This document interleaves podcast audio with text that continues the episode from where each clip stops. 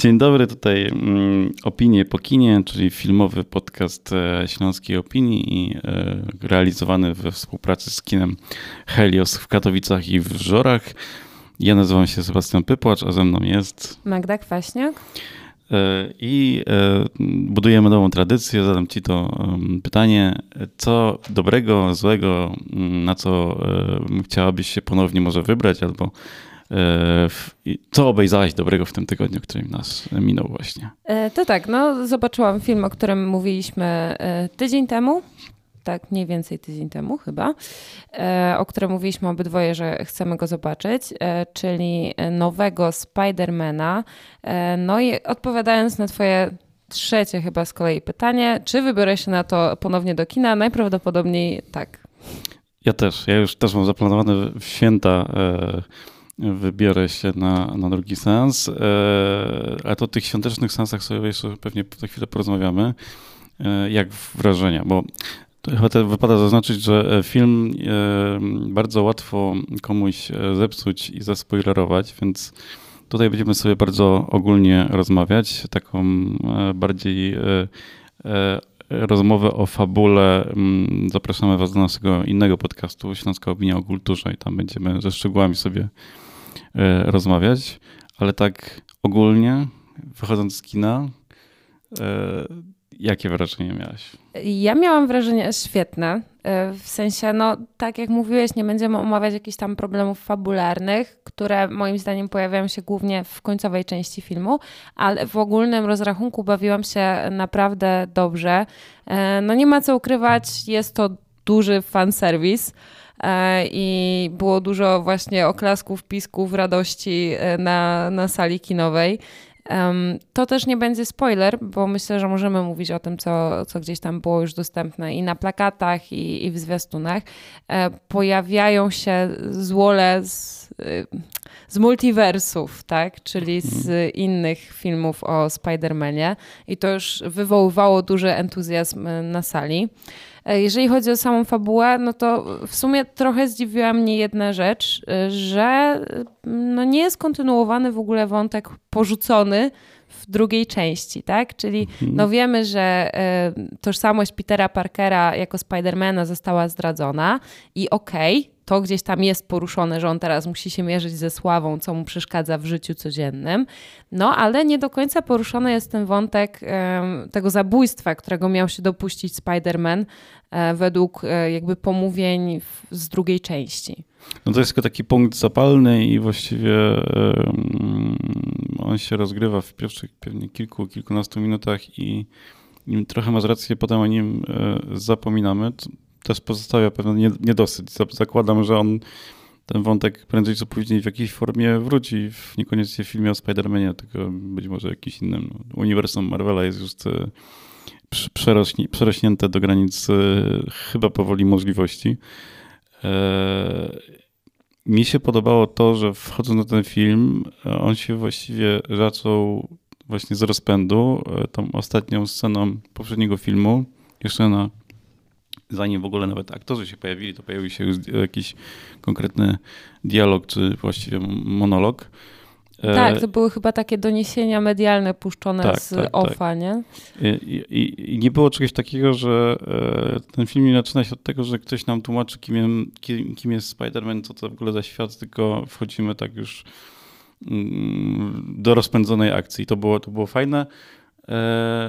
Gdzie znowu pod koniec filmu, mm, z tego filmu wytraca się trochę ten rozpęd i te, kiedy wchodzą te takie, to już takie, jak powiem, obowiązkowe sceny akcji, czyli ta wielka bitwa na koniec każdego filmu, to wtedy, kiedy, wtedy według mnie to tempo trochę e, ginie i mm, z początku, które, gdzie ta, na początku ta akcja naprawdę pędzi. Nie? Tak, tak. Na początku tempo jest naprawdę, y, można powiedzieć, potężne. Nie ma nawet sekundy na to, żeby się zastanowić, co tu się w ogóle dzieje, bo jesteśmy bombardowani kolejnymi y, sytuacjami, y, pomysłami, niekoniecznie dobrymi bo przecież cały, e, do całego finału, i to też nie sądzę, żeby był spoiler, prowadzi um, bezpośrednio decyzja Petera Parkera i doktora Strange'a, który się już pojawia w zwiastunach, także o tym możemy mówić. Mhm. E, dość urocza jest ta ich relacja. e, na początku filmu. Podoba mi się to, naprawdę. Zresztą ja uwielbiam Doktora Strange'a. Jak tydzień temu rozmawialiśmy o nowym Spider-Manie, powiedziałam, że Spider-Man jest chyba ostatnią postacią w MCU, e, którą e, lubię. A tak naprawdę zapomniałam o, o doktoru Strange, który no, jest no, widoczny w tym filmie, chociaż jest go mało. Na pewno jest to film, który można spokojnie obejrzeć e, kilka razy i, i właśnie to, ten, ten drugi sens to na pewno mm, nie będę się skupiał na fabule, tylko na tym, co tam gdzieś miga, bo tych takich e, nawiązań do i do poprzednich filmów i do mm, w ogóle e, komiksów i świat, bardziej szerszego świata Marvela. Ale myślisz, że osoba, która nie widziała poprzednich Spider-Manów albo jakichś filmów z MCU, może na ten film iść i będzie się bawić dobrze? Myślę, że będzie się bawić dobrze. Nie będzie się na pewno bawić tak dobrze, jak osoby, które to uniwersum znają. I to nie tylko to z, związane z MCU i z Avengersami, ale też starsze Spider-Many. To ja podejrzewam, że dla osób, które gdzieś tam czytały komiksy w latach 90. i na początku lat 2000, frajda musiała być niesamowita e, z tego seansu. Ja na przykład do tych osób nie należę i tak bawiłam się świetnie, więc podejrzewam, że osoby, które w ogóle tego uniwersum nie znają, też będą się dobrze bawić. E, aczkolwiek no, fajnie jest e, znać e, te poprzednie filmy z Tomem Hollandem, z tego względu, że ten Spider-Man jest najdojrzalszy. Nie? To jest taki już Spider-Man z tymi dylematami moralnymi, z tym, że wielka moc niesie ze sobą dużą odpowiedzialność i, i tak dalej. I wydaje mi się, że z tego względu to będzie jeden z moich ulubionych Spider-Manów w ogóle. Dobrze, to teraz o filmie, który pewnie, o którym pewnie będziemy szczegółowo rozmawiać sobie za tydzień. E, Matrix. E, oglądając Spidermana, e, tak powiem, wyświetlił nam się zwiastun Matrixa i ja mam tak, że idąc na Spidermana widziałem chyba więcej o fabule niż wiem o fabule Matrixa, na którego też czekam, ale mam takie większe nie wiem, czego się spodziewać. Ja też nie mam pojęcia. Ja ci powiem szczerze, powtarzałam sobie seans trzeciej części całkiem niedawno, bo z jakiś miesiąc temu mniej więcej. Ja już nawet nie pamiętam, jak ona się skończyła, tak prawdę mówiąc. Mimo tego, że sobie to odświeżyłam, jakby e, no, trzecia część nie należy do moich ulubionych i dlatego jestem tym bardziej ciekawa czwartej części, bo mam takie oczekiwanie, że to będzie powrót do zarysowania uniwersum z pierwszej części Matrixa, mm -hmm. gdzie to było rzeczywiście ciekawe, a nie takie przehypowane tym kinem akcji. No ja pamiętam też, że na tego pierwszego Matrixa mm, w kinie byłem na tym filmie jakiś tak całkowicie przypadkowo, po prostu chyba nic innego tego dnia nie leciało i poszliśmy na jakąś nowość, która weszła do kin i te pierwsze sceny spowodowały, że właściwie tak powiem, nie rozmawialiśmy z siostrą, którą byliśmy w kinie przez cały film, tylko byliśmy wlepieni w ekran bo to, co się wtedy oglądało, było niesamowite.